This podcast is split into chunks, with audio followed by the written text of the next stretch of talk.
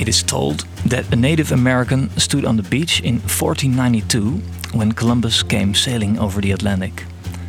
The Indian could not see the ships because he wasn't able to imagine the shipness of a ship. People are conditioned so much so that we're able to see or know only that which we think or know is possible. End of lesson. We're not sure if the story is true or not, but what we do know is that the native met his death long, not long after the conquistadors came ashore. In Ships on the Horizon, we discuss the strange ripples we can already see ahead of us in the current state of economy and society. The question we keep asking ourselves what are we looking at? And most importantly, what can't we see but is approaching fast? Good evening and welcome to Ships on the Horizon. This is the 22nd episode on May 27th, 2015. I'm your host. My name is Maarten Brons. Sitting next to me here in the studio in Groningen, the Netherlands, interviewer Liekle de Vries, shipsmate Ronald Mulder, and fact checker and life hacker Yuri Sepp. Welcome. Goedenavond, welcome. Good evening. Good evening. And a very warm welcome to our special guest this evening, startup inspirator par excellence, Mr. Nick Stevens. Good evening. Welcome aboard. Ronald and Liekle will be speaking with Nick in three parts about the startup climate in Groningen. And Yuri is, on, is on the online lookout in the crow's nest. We'll be hearing two pieces of music out of Nick's cabin. But first, the Marconista.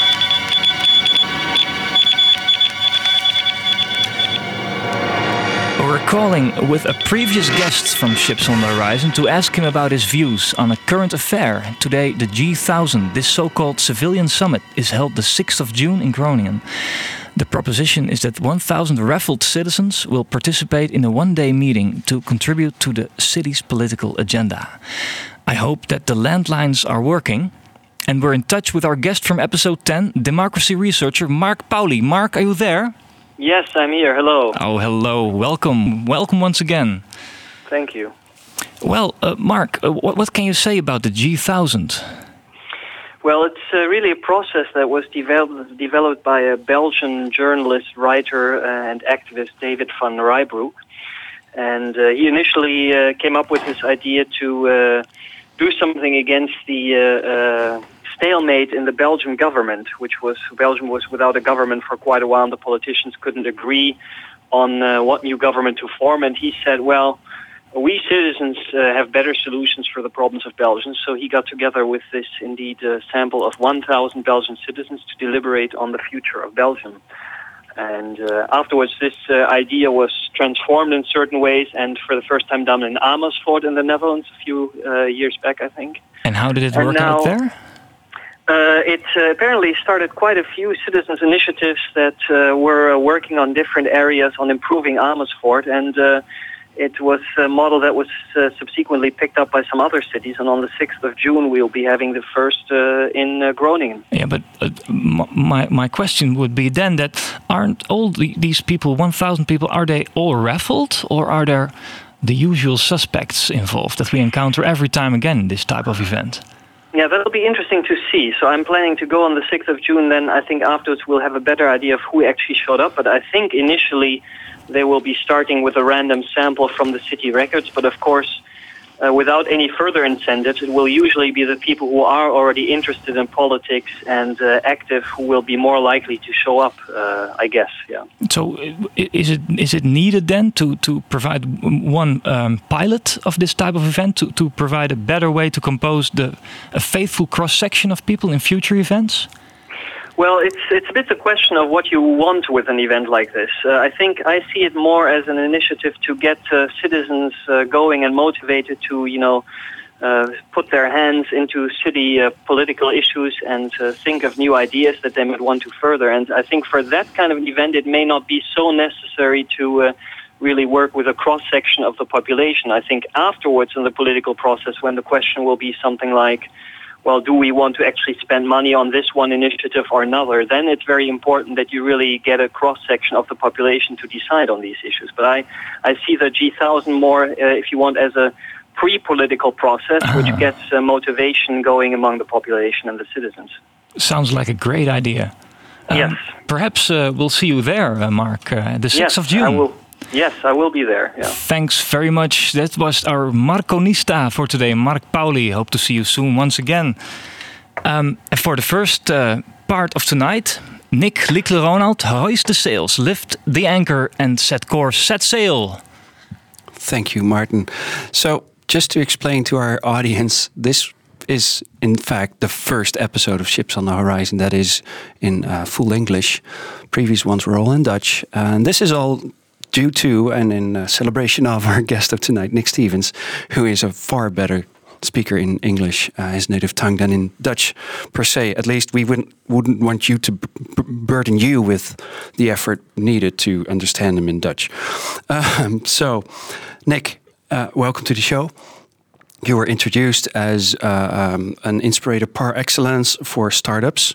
Uh, the word startup is used very commonly these days. What is a startup actually? That's actually a really good and uh, quite controversial question. As you pointed out, it's used a lot right now. And um, used or misused is perhaps a, a, a set of uh, um, criteria that you could argue about um, to the point where even the sort of six or seven top well respected people in the startup industry don't have a set definition. Uh, some people say it's a company that's less than a year old. Some people say it's uh, somebody who is starting for themselves. Others say it's something that has to be tech based and therefore uh, scalable beyond uh, traditional means. For me, there are three types of startup, and it starts with taking responsibility for yourself. So uh, we have this debate in the Netherlands as to whether a freelancer is a startup or not, uh, or is an entrepreneur or not. I would agree they're not a startup, but they're definitely an entrepreneur. They are changing their world. Secondary to that, you have people who want to change the world around them, so they would create a company, for example. Is that a startup? I don't know, but it's a very good thing, and we need more of it. And then you have what is traditionally known as the startups. This is the Googles, the Facebooks in the world uh, and they're the ones who want to change the entire world around them. All right, that is a very totally encompassing distinction you make between the, between the three. Um, why do you, as a person, care about startups? I think part of that comes from my background. I worked for 12 years for a big corporate American manufacturing company. Yeah, talking to the microphone. you can lift your microphone just a bit, please. Like this. Yeah, more like that. Sorry, slight Thanks. technical issue. I think uh, the man has his thumbs in the air. Um, I worked for uh, um, 12 years for a large American manufacturing company. Um, and that was a very traditional uh, way of thinking. You know, I went to school, got a job, got a better job, got a promotion, and we see already that uh, the future does not look like this anymore. We've known for some time that the uh, quantity of jobs in the world are uh, diminishing compared to the population of, of jobs that we need. Uh, I think 15 or 20 years ago, we looked at this and said, uh, but there will still be plenty of work. And now we're seeing that with robots and artificial intelligence and just even technology in general, uh, there is going to be a certainly less work or at least different work to be done. And so relying on getting a job is no longer valid for many people. Therefore, starting for yourself or creating a company or a startup uh, becomes a way of taking responsibility for you and people around you in a world that is changing. All right. And, and not only that, uh, maybe jobs will still exist, but they won't last for 40 years. Uh, Facebook is doesn't exist for well, how old is Facebook? 15 years, maybe? Not even 11 years now. and I don't think it will exist in 20 years' time. Um, so maybe you can get a job, but it won't last for 40 years. So you have what you say, take responsibility, create your own uh, employment. Yeah. So what's interesting about that is Facebook is obviously one of the uh, um, often used examples. And if you compare Facebook, which is 11 years old, has uh, 10 or 11,000 employees worldwide, to somebody like IBM, who is 104 years old and has almost 450,000 employees, the corporates of tomorrow do not look like the corporates of yesterday. So for every new Facebook that pops up, there is still a deficit of 400 and something thousand jobs compared to their traditional counterparts. So we're not talking about jobs if we're talking about startups. Uh, certainly not on the scale that we're used to seeing in the past. Where that I, I, you know, I don't see that coming back in any way, shape, or form like we uh, uh, used to. Okay, and but then from your definition of startups, and the distinctions you make between the three types, are we then now moving to a time where it's about commitment, about applying yourself to the world instead of finding a job? So I think that's interesting. I think whether there will be enough work for people to do is, is something that we can't see yet, but the type of work that will be available to do will definitely change and is already changing. So the amount of um, extremely dull manual labor, repetitive work that can be done by machines uh, will force people to either do nothing or to do something that can be more fulfilling or, or will stretch their brains and, and physical constraints much further. Um, whether you will do that working for somebody else or uh, being the boss yourself, I think that's still going to be debatable for a very long time. Do you have a personal preference in there? Um, no, not really. I think No. there's a place for both in the world. Um, uh, your intrinsic motivation and your capabilities in the world around you obviously make a huge difference as to what you can do. Um, when we, sitting here in the Netherlands, think about entrepreneurship and startup, we have a very Western European perspective of it. I'm fortunate that I get to travel to some far flung places.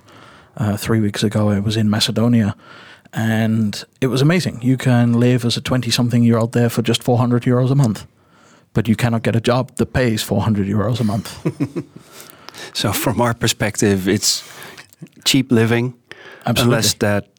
But there's no way that you can make that kind of money there. So right what? now. So so what are the youth doing right now? They're figuring out this whole thing that we call startups and entrepreneurship. It's almost like they're ten or fifteen years behind uh, Western Europe, but they'll catch up really, really fast. and they might even leapfrog us if they're not held back by Wow. stuff that holds us back. So if Eastern Europe doesn't, Africa definitely will. Do you, you ever been to Africa for Startup Weekend? I haven't yet. Okay. We uh, we do exist over there. We're doing quite a lot, um, but I've not been myself. Okay. So, um, how do you, what do you think of Groningen as a city for startups? How is that working out for Groningen? You, because you've been here for Five years now. five years. Yeah, uh, I came back from the States at the very end of 2009, living here in the northern part of the Netherlands. Um, I think Groningen is a very special city that most local people don't uh, uh, get to see because they're too close to it. Uh, we have a really great set of conditions. There's a, a, a book written by uh, a guy in the States called Brad Feld, and the book is called Startup Communities. And he basically describes the 20 years of building Boulder, Colorado, uh, right in the center of the USA, as a city for startups. And it was a 20 year process and is in perpetuation. Um, and as I was reading through it, I was it was like a mental checklist. Groningen has this, Groningen has this, Groningen has this.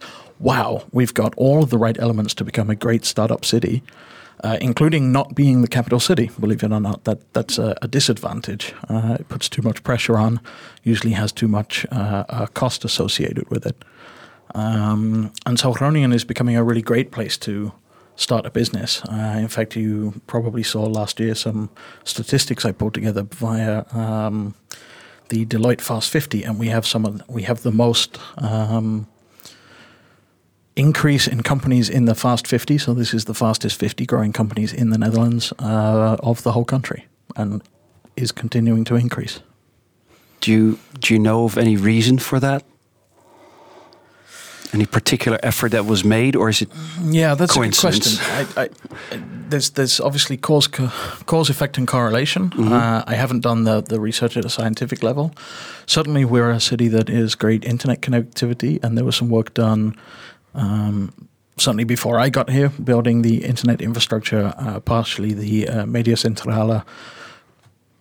Whether that is the cause or the effect or just the outcome, I'm not sure. Uh, but I think being one of the youngest cities in the country, stroke Europe, is is definitely a good part of that. When you have this sort of ever revolving um, fountain of eternal youth, I guess uh, that brings in new ideas and, and inspiration all of the time. Yeah.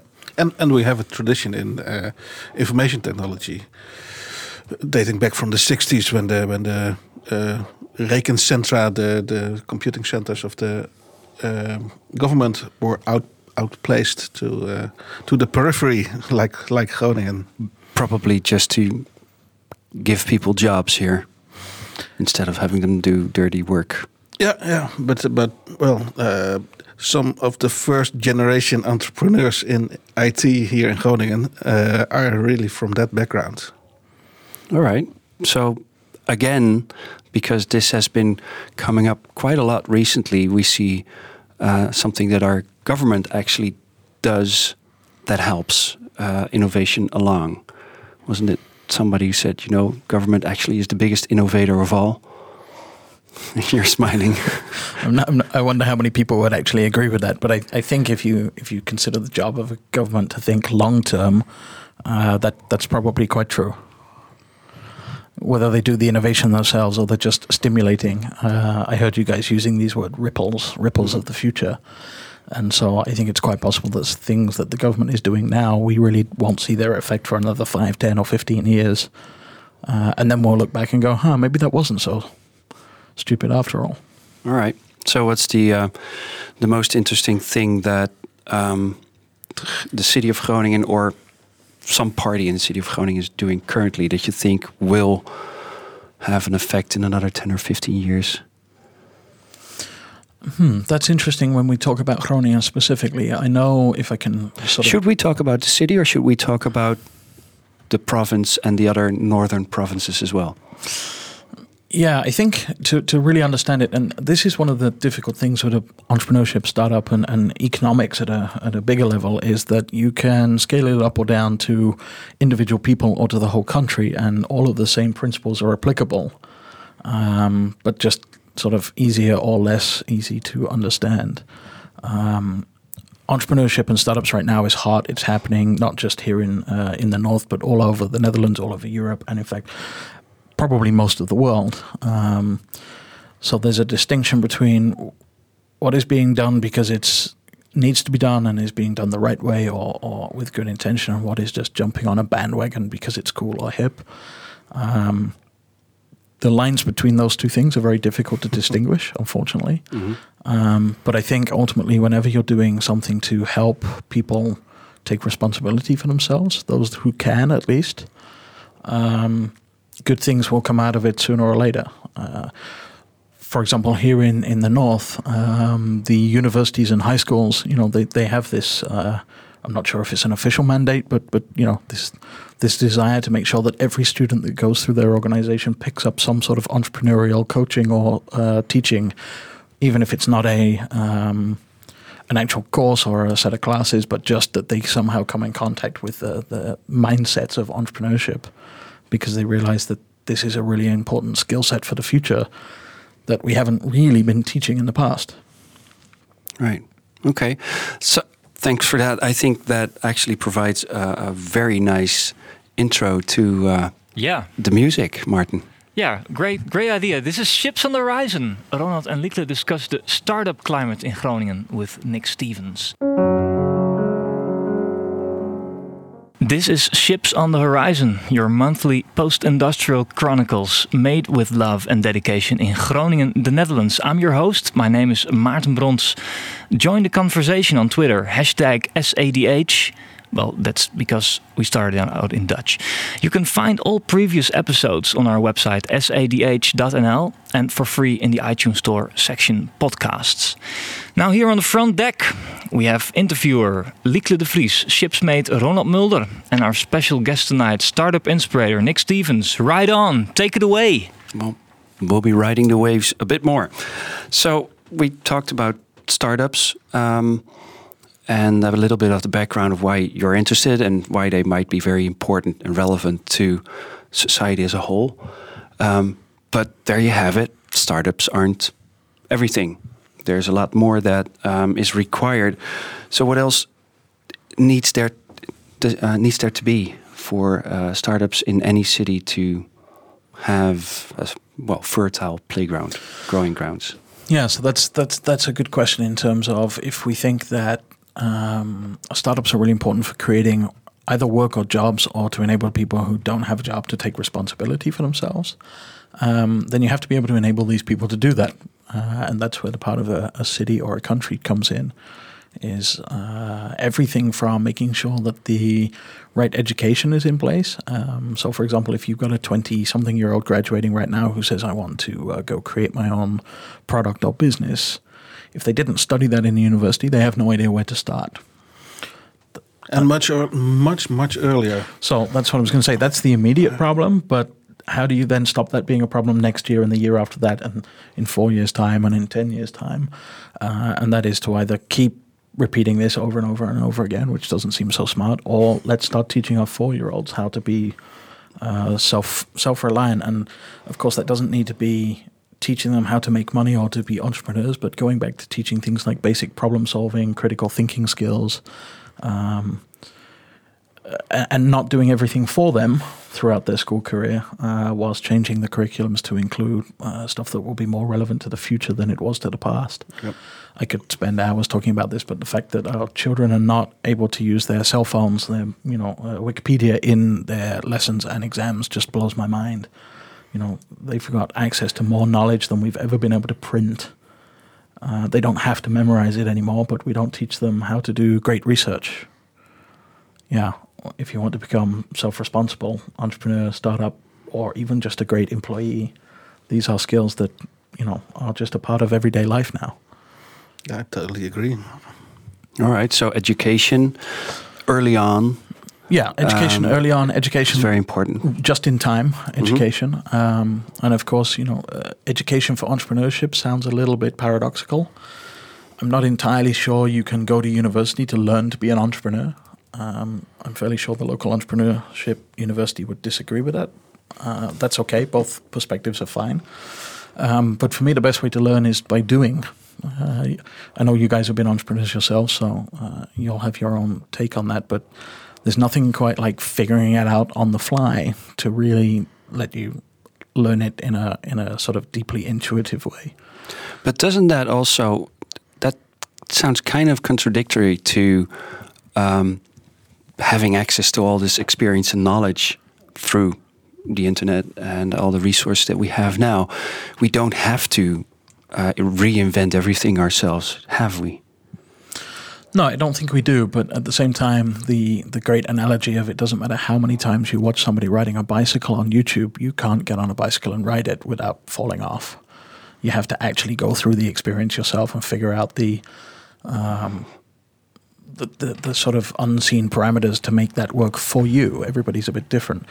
I saw a great video, and uh, I'll give you a link to put in the show notes uh, last week of a guy who built a bicycle. When you steer left, it turns right, and when you steer right, it turns left. And basically, every single person who has tried to ride it cannot ride it.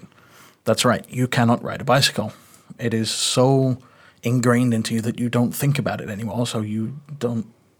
The moment it doesn't work the way you expect it to, everything changes. Yeah. As a matter of fact, you can observe this with sm small children when they first start to ride a regular bike. Yeah. They also fall off. It's not something that we came equipped with. Yeah. Okay. So the, the good thing about this video is it shows that even an expert bicycle rider who's been riding a bicycle for all of their life, the moment you change one parameter of the bicycle, gets uh, confused at such a deep level that you have to unlearn the traditional way and relearn the new way, and that takes months and months and months of practice to ride a bicycle. So take traditional thinking Very and change it common, mundane thing to do, basically. so common and mundane that you don't even think about it anymore. So uh, I, I think the same. Just because we have all of this knowledge doesn't mean it's a being consumed. Doesn't mean that b it's being consumed in a way that is useful. Um, and for many people, you have to figure out what's right for you. Yeah, and, and it's much more than just knowledge. It's attitude, it's habits, it's uh, it's totally true what you said. You have to unlearn so much before you can learn to be an entrepreneur. This is one of the things I find really important in, in building ecosystems. You must unlearn businesses. what you have learned. Um, is is mindset is a word that we use a lot. So yes, it's attitude, but it's also combined with the experience you have, and also the knowledge that you know you don't have yet. That little bit of humility can sometimes go a long way. Yep. All right. So, um, education, attitude, mindset. Um, what are the other? Are there any physical things that you need to have a healthy startup environment? Yeah, I think I can see where you're going with this question, but there's one one very very important thing that, for example, governments and institutions uh, need to do in order to uh, uh, help people be able to take this opportunity themselves, and that is to simply get out of the way. Let them. Stop preventing them. Stop making it hard. Uh, they'll figure it out. If they crash and burn, they'll figure it out. They won't die. Uh, and if they do, well, that sort of solves the problem in itself. Um, that's, that's kind of a rash statement. Um, Darwin Darwin yeah, Awards yeah, for the win. Exactly, then, yeah. exactly. Um, but no, I mean, in, in all seriousness, you know, we have so many rules and regulations about what you can and can't do that come from some point in the past where it was probably relevant, possibly just protectionism at that point that uh, no longer need to exist going forwards. If you look at some of the um, you know sort of archaic tax laws that we have that just make it really difficult to run a business efficiently at a small and early stage. It, you know, we need some reform there, and the reform doesn't necessarily need to be pro entrepreneurship or pro startup or pro taking your own statement, but just not slowing you down, not not getting in the way for the sake of getting in the way. Um, but going back to actually answering your question, um, one of the things cities need is uh, somewhere for these people as entrepreneurs or creatives or whatever um, uh, industry uh, or branch these people come from that want to take responsibility for themselves, somewhere for them to be and for them to do this. All right, I'm going to come back to that later because you're actually speeding ahead just a bit.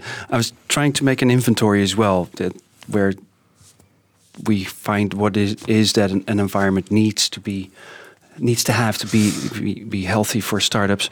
Um, how about the, the the mix of people? We've talked about Groningen being a city with a lot of young people because of the universities and the, and the, the other educational institutions. Um, do you also need to have a mix of people? Richard Florida once said, if you have gays and uh, um, hookers and some more in, in Dutch there were three T's, I think. Um, or three P's. I'm I'm, I'm, I'm confusing myself. Transfer starts. Uh, I don't know. Um, yeah. That you need a lot of uh, um, uh, um, social outcast-like people to represent a full-grown city that has all the creative possibilities. If if you're very rigid uh, uh, city, then you're not going to be as creative. Is there a mix of people that you require for a startup city? Yeah, I think that that's a really good point. The diversity, I think that's the word you were probably looking for, is is really important. And for the rest of this country, particularly Amsterdam, looking at Groningen, you know, there's that that when they hear that I'm working in Groningen, they you know they repeat the word Groningen with a question mark at the end because they're a bit confused because it's just a small village for them, you know, and it's far away. Um, but when you actually do look at our demographics here with a slight question mark on our um, uh, blend of, of um, cultural, racial demographics. Uh, we do have a really good split across everything else. Uh, young people, elderly people, and everything in the middle. We have um, quite a political mix, as we saw in our recent election uh, uh campaigns for the province. Uh, we have a lot of people that are doing you know, quite well high paid level corporate jobs, right the way through to um, students coming out of the Minerva that are the most creative and, and uh, artistic people I've seen.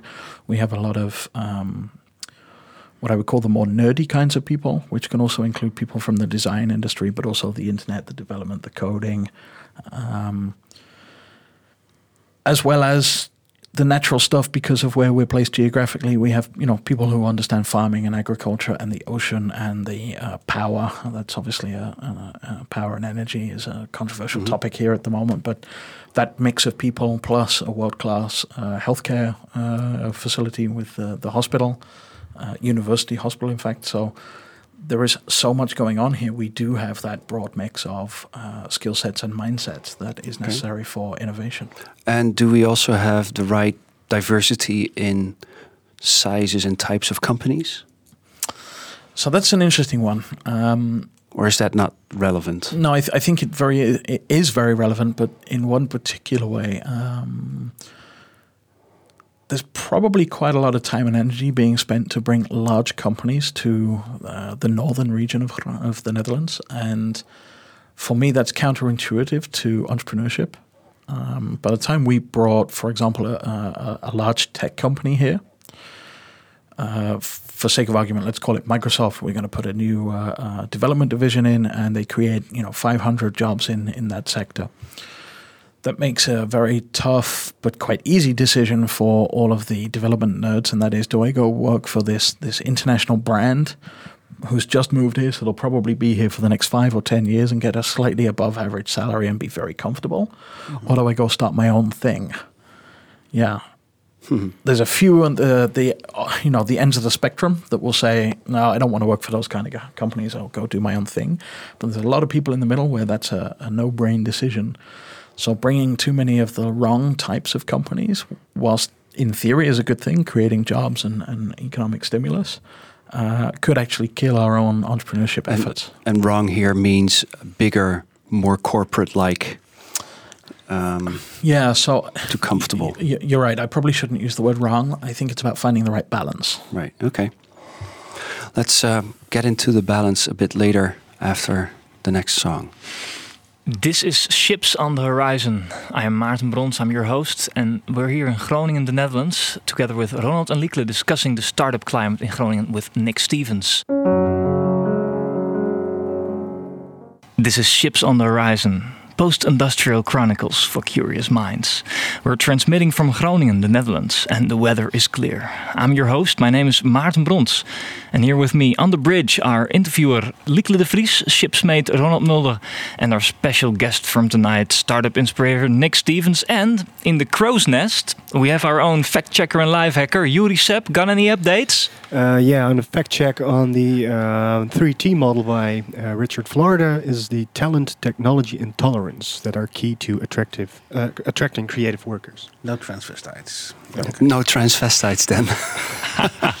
that was my own one. Oh, maybe that's the talent. Yeah, it is a talent part, I think. Thank you very much, Yuri.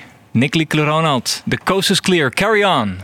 Well, you couldn't see it, uh, dear audience, but we could uh, see our technician thoroughly enjoying the finale of uh, that last song. Um, both of the songs you selected, Nick, are live. Any reason? Uh, yeah, and no, it wasn't a conscious decision, but I was thinking about it as they were playing. For me, music is is all about feeling and emotion, and I don't think you ever quite feel that quite as much as you do when you you hear music being played live. Uh, much like when you're in the studio, the pressure's on, and you know the room for uh, screw ups is much more limited. Um, and certainly for Aerosmith, that was uh, as as I was a youngster, the first major rock concert I ever went to. Uh, so that that for me just brings back great feelings of being in that place at that time. Okay, experience experiencing it. Yeah, yeah. Um, which brings me back to uh, an association that a lot of people have with startups that all startups are about developing apps for your smartphone. um, but they aren't. then again, one might think they are. Um, is that a deficiency in, in the, the, the way other starting companies uh, promote themselves? Yeah, I think I think there's a, a quite a few reasons for this. Um, partly is the misuse of this word startup. You know, I've created an iPhone app, therefore I'm a startup. Uh, I, I, don't think that's in probably 99.9% of the occasions a true statement. Um, but I think it is getting harder to differentiate products and companies these days. So many companies are essentially the company behind one major product. Uh, if you look at Uber, for example, you know, arguably the most valuable startup in the world right now, uh, they have one product. They move things, namely people, for the moment around. So they're known as the taxi company, whereas that's not actually what they do.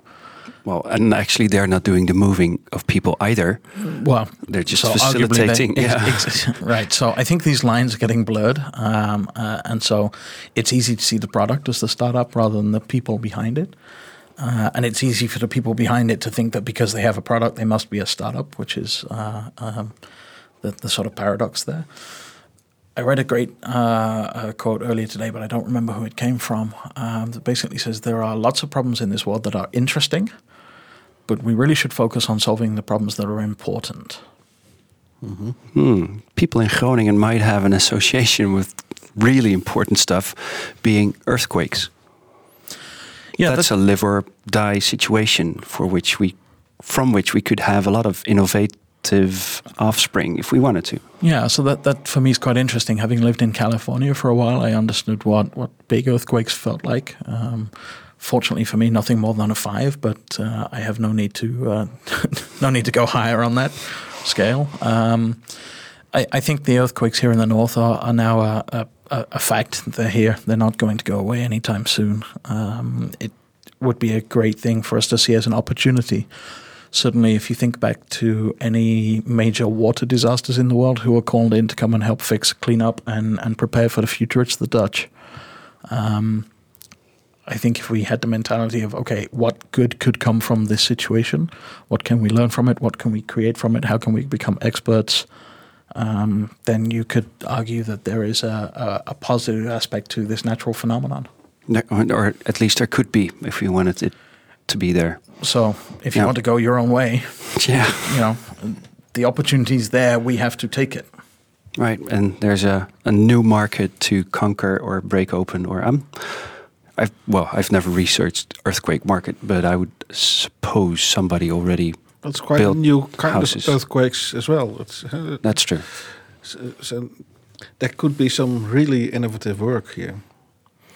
Uh, earthquakes in California and Japan are uh, uh, deep below the ground, and here True natural the, phenomenon. Yeah, and this this is man-made, and it's it's close to the surface, the epicenter of the of the, of the earthquake. It's really a different ball game. And again, this is basically underlining the importance of educating people in in well researching stuff yeah, for their own self, finding out what the differences are, not just relying on the, the, the images that and the stories they've been told. Yeah, and actually to tie this back into our previous conversation about what's necessary to create an entrepreneurial climate, um, I don't want to go too deep into this right now because it gets very technical. But one of the things that the Netherlands uh, rates very poorly on compared to other entrepreneurial countries is the ability for uh, um, Dutch people, or I guess the residents, the citizens, to spot and take an opportunity. And there's a whole bunch of reasons for that. Partly because um, we haven't needed to, you know, here in Western Europe, we don't have this American dream. Uh, the reason for that is quite simply we also don't have the American nightmare as a sort of quasi socialist state. You know, being poor, homeless, without health care, and on the street is very difficult. And therefore, you also don't have to dream that the sky's the limit because being comfortable is a fairly uh, status quo for most people.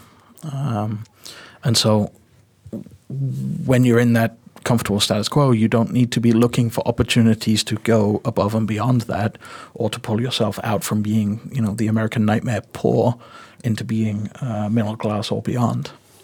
Well, earthquakes can fill in part of that gap. I think so. Yeah, make it very urgent.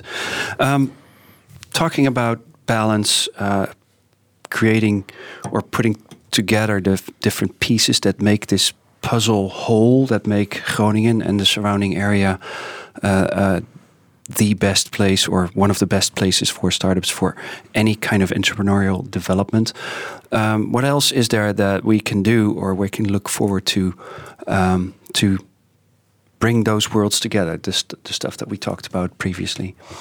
Where do people meet? Are how do you recognize entrepreneurs? How do you recognize startups? Yeah, so that's an interesting thing. If we look back through the last, uh, I guess, 50 to, to 10 years ago, we were doing a lot of um, sort of de-urbanization, uh, clustering as it was known, moving different types of industry and, and uh, economy out of the city center and around a city traditionally. So you, you know, if you look at Groningen, where we have uh, most of the university buildings outside of the city, up on the Zernike campus.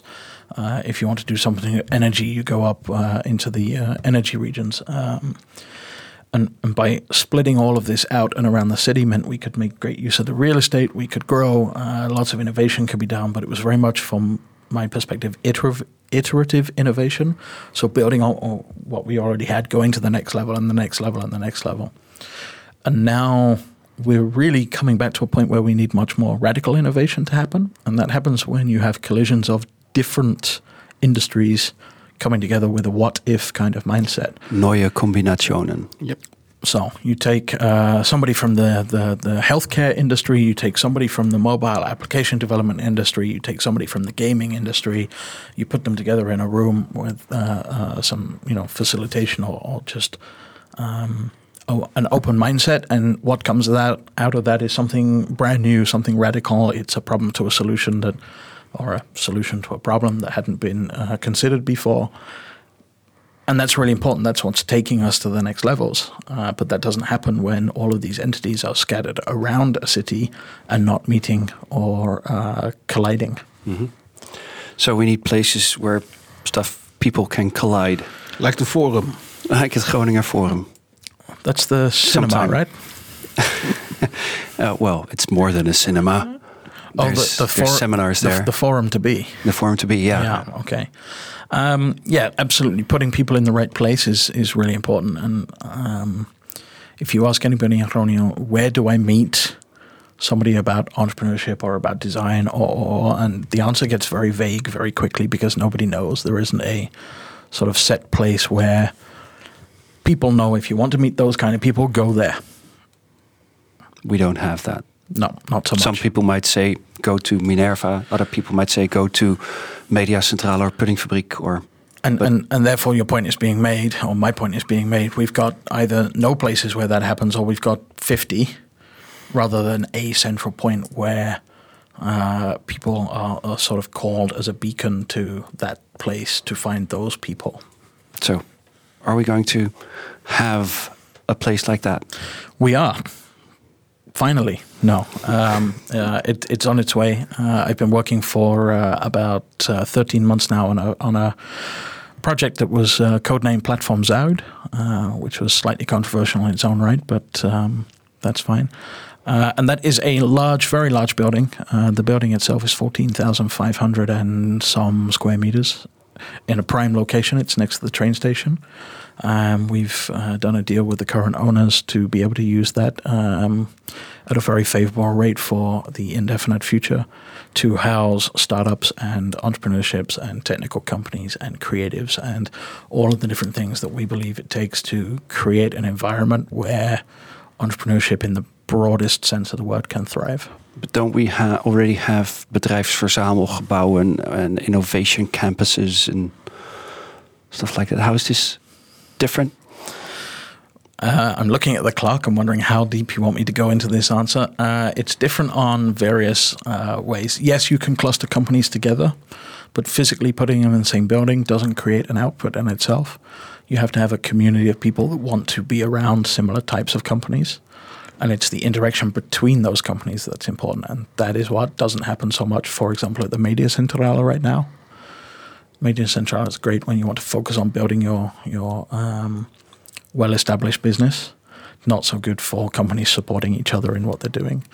But there's also different types of companies, and I don't mean the industry that they work in, but the the um, the place where they're at in their own uh, life story. So you've got companies that have been around five years, companies that are just about to be started, um, and they all have very different needs. Um, the entrepreneur's journey is a white paper created by uh, Startup Weekend, and that basically describes the steps that all these companies will go through eventually, and providing a building or a space or an ecosystem where all of those companies can live in harmony is really important to uh, the success. All right.